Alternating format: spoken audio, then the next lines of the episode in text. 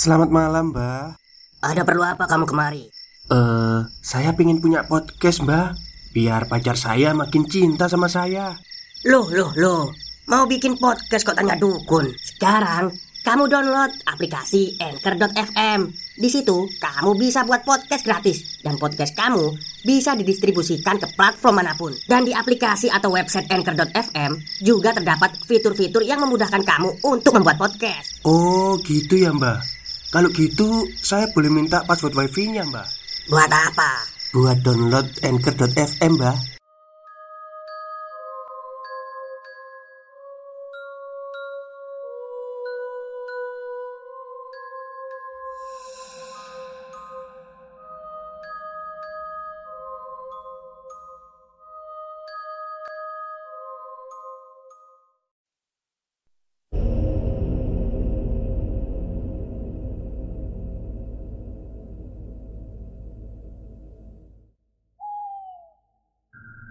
Assalamualaikum warahmatullahi wabarakatuh. Halo semuanya Jumpa lagi dengan saya Chow Sing Sing Kurator dari podcast Horror Night Story.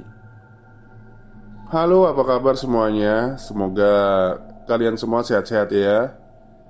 Dan seperti biasanya pada malam hari ini saya kembali Dan akan menghadirkan sebuah kisah mistis untuk kalian semua Kisah mistis kali ini saya datangkan dari tweet twitternya Mas Saitama66 Yang menceritakan tentang kengerian saat berada di rumahnya sendiri Apalagi rumahnya itu berumur sudah tua. Seperti apa kisahnya? Mari kita simak. Cerita ini diambil dari kisah nyata yang baru saja penulis alami sekitar tiga hari ke belakang, dan ini terjadi sudah beberapa kali. Sebelum mulai membaca, silahkan cari tempat yang senyaman mungkin supaya lebih bisa merasakan kengeriannya. Tutup pintu dan jendela Anda, karena kita tahu mereka pun ada di sekitar kita. Hari itu aku pulang agak larut, sekitar pukul 11 malam. Udara dingin dan angin malam menyelimutiku sepanjang jalan sampai ke rumah. Jalanan basah karena seharian hujan deras turun di kotaku. Sesampainya di rumah, aku memasukkan motorku ke dalam garasi, mengganti pakaian dan mencuci muka, serta membakar sebatang rokok dan kemudian menghisapnya. Setelah seharian beraktivitas, tentu saja sangat nikmat bagi perokok untuk menutup harinya dengan kepulan asap tembakau bercampur cengkeh. Hanya suara binatang malam dan jarum jam dinding tua yang menemaniku malam itu. Aku duduk di ruang tamu. Di ruangan ini, aku bisa langsung melihat jelas ke halaman depan. Karena jendela kaca yang cukup besar yang hanya dilapisi gorden transparan. Tidak terasa sudah dua batang rokok yang aku hisap dan waktu menunjukkan pukul setengah satu malam. Aku sendiri berniat untuk beranjak tidur, tapi rasa kantuk belum menghampiriku. Aku urungkan niat untuk pindah ke kamar. Aku membawa HP-ku dan memutar musik lawas bergenre keroncong. Kebetulan aku menyukai hal-hal bergaya klasik. Oh ya, rumahku ini berumur cukup tua dibangun sejak zaman awal kemerdekaan Ya sekitar tahun 40-an Dan arsitektur bangunannya pun belum banyak berubah. Interiornya pun banyak yang masih bertahan sampai saat ini. Ada lampu gantung, jam dinding, kursi, dan meja pun memang sudah ada sejak dahulu Dan belum pernah diganti. Kembali ke malam itu Aku sendiri di dalam rumah dikarenakan orang tuaku kerja di luar kota dan saudaraku sedang menginap di rumah nenek. Tidak ada rasa takut atau aneh pada saat itu karena aku sudah terbiasa sendirian di rumah. Tapi belakangan ada kejadian aneh yang aku alami. Seperti seringnya aku ketindihan saat tidur dan juga suara-suara misterius yang aku juga tak tahu itu suara apa. Namun, suara yang aku dengar pada malam itu sangatlah jelas. Kita kembali lagi ke ruang tamu. Waktu menunjukkan pukul setengah dua malam.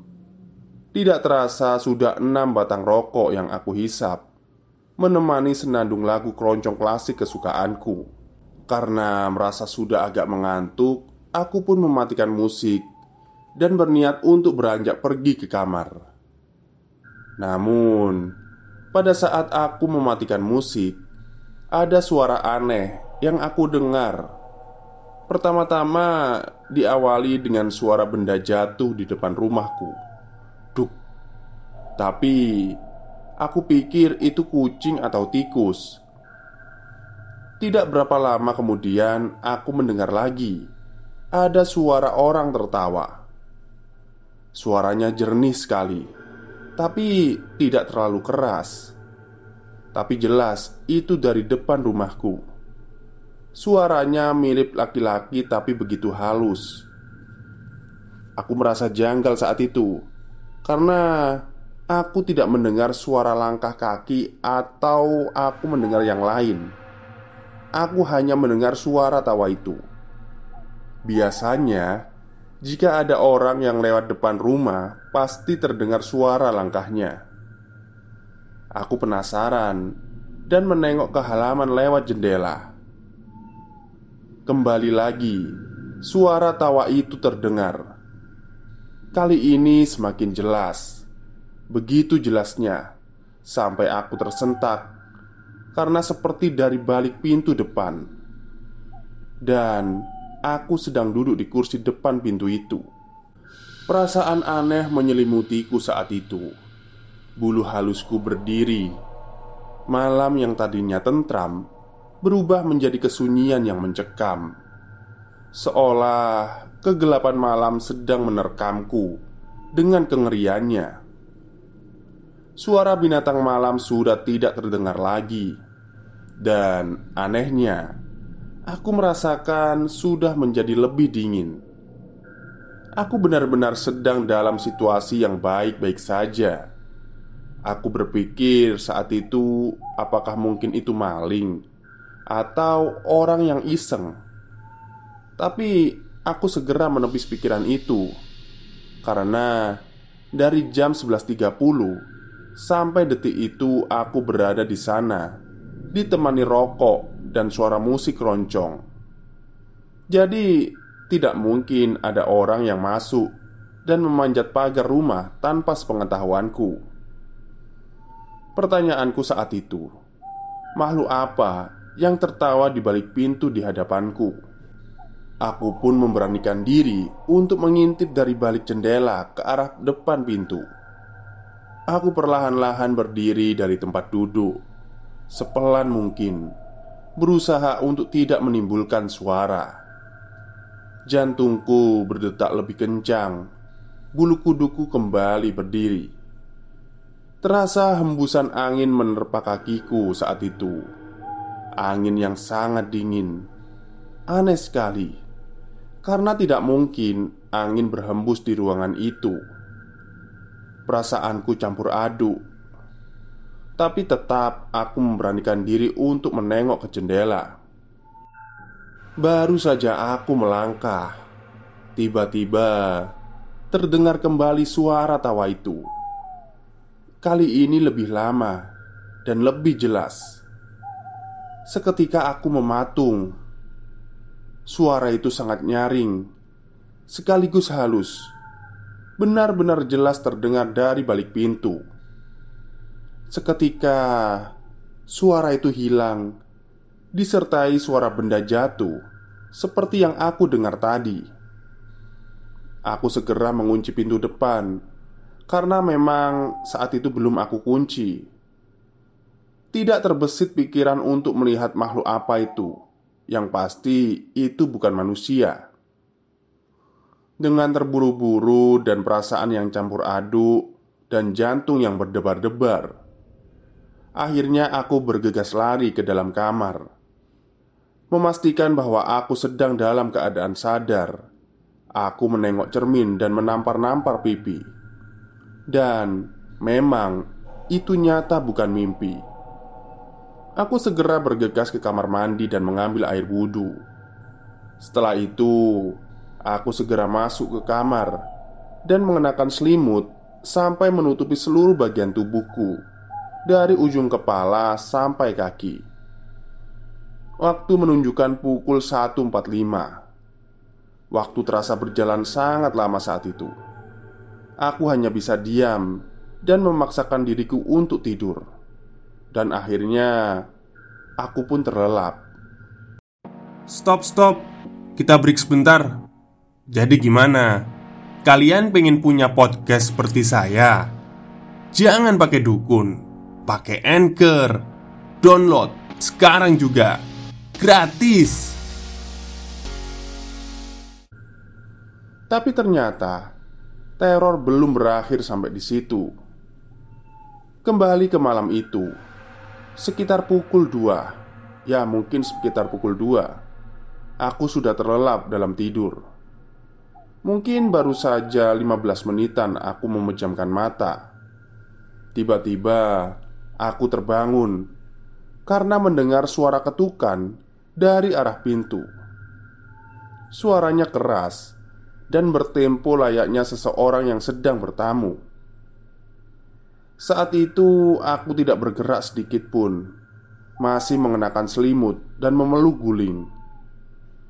Aku pun memastikan kembali suara ketukan itu, dan lagi-lagi terdengar suara ketukan itu dari pintu depan. Kali ini diikuti dengan suara tawa yang tadi aku dengar. Begitu jelasnya suara itu. Lagi-lagi gelap dan sunyinya malam seolah menerkamku. Malam itu seolah malam terpanjang yang pernah aku alami.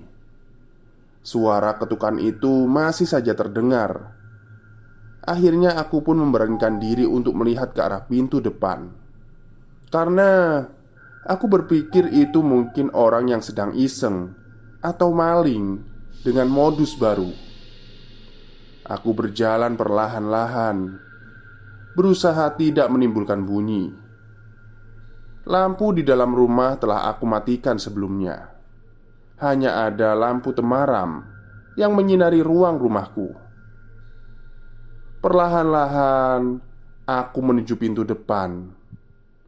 Suara ketukan itu masih tetap terdengar. Semakin dekat, aku ke arah pintu itu. Semakin jelas, aku melihat bayangan dari jendela. Ada seseorang di sana, tinggi, semampai hampir sama denganku. Tapi aku tidak bisa melihat wujudnya. Siapa? Seruku memberanikan diri, dan tiba-tiba suara ketukan itu berhenti. Sunyi senyap, tidak ada suara apa pun saat itu. Aku pun mengambil kunci dan perlahan aku membuka pintu itu. Saat aku membuka pintu, aku berdiri mematung. Tidak bisa berkata apa-apa. Untuk bergerak pun aku tidak bisa. Aku terkejut serasa disambar oleh petir. Berdiri, sosok hitam tinggi besar di hadapanku saat itu. Tidak ada wajah di sana Ya, dia tidak memiliki wajah. Berdiri tegap di hadapanku dan kemudian tertawa. Suara yang sama seperti yang sebelumnya. Angin dingin berhembus menerpaku. Tidak berhenti sampai di situ. Tiba-tiba dari belakang, sosok itu berlarian. Tiga anak kecil sambil tertawa-tawa berlari masuk ke rumahku melewatiku begitu saja.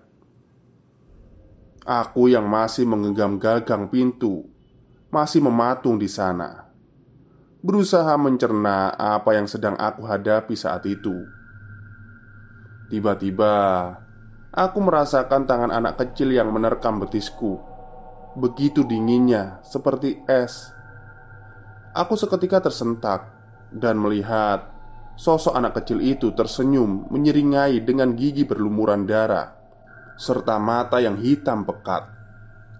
Seketika aku berlari sambil berteriak, "Bangsat!"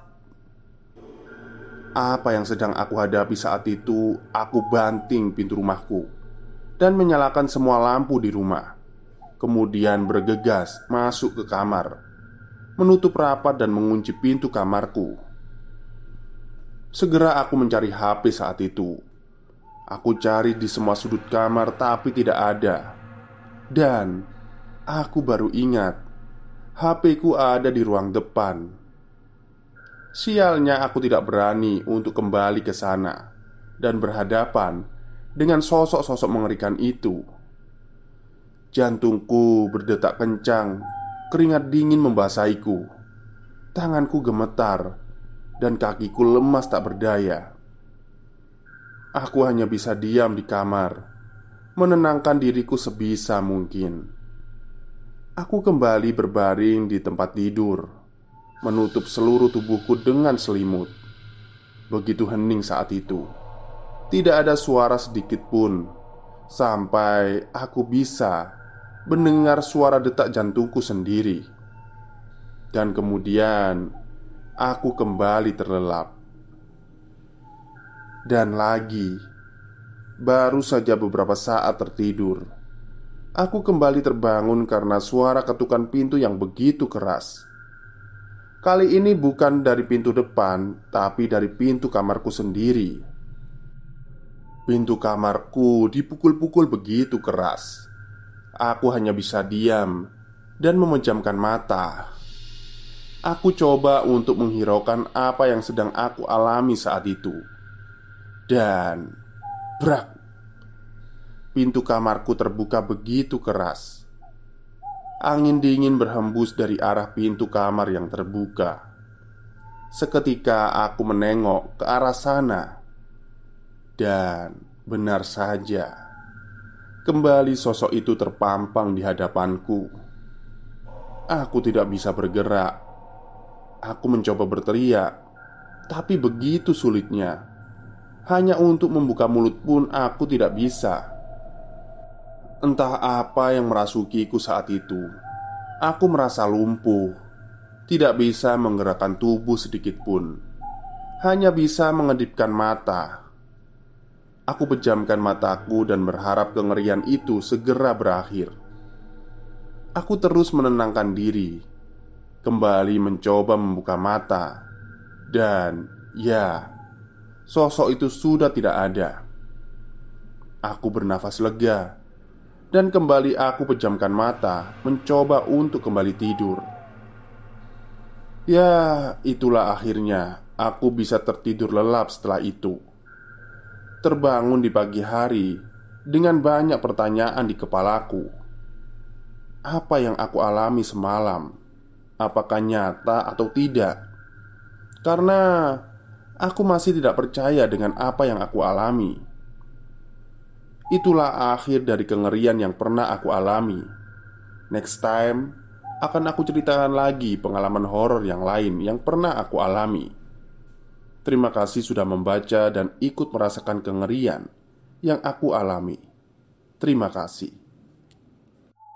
Baik, itulah akhir cerita dari tweet Twitternya Mas Saitama 666 ya Yang menceritakan tentang kengerian yang ada di rumahnya jadi rumah tua itu pasti menyimpan sesuatu.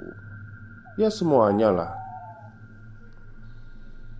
Kalau rumah bangunan sekarang Kalau rumah bangunan modern itu Ya pasti ada sih. Tapi kayaknya lebih serem rumah tua deh. Oke mungkin itu saja cerita pada malam hari ini. Kurang lebihnya saya mohon maaf. Wassalamualaikum warahmatullahi wabarakatuh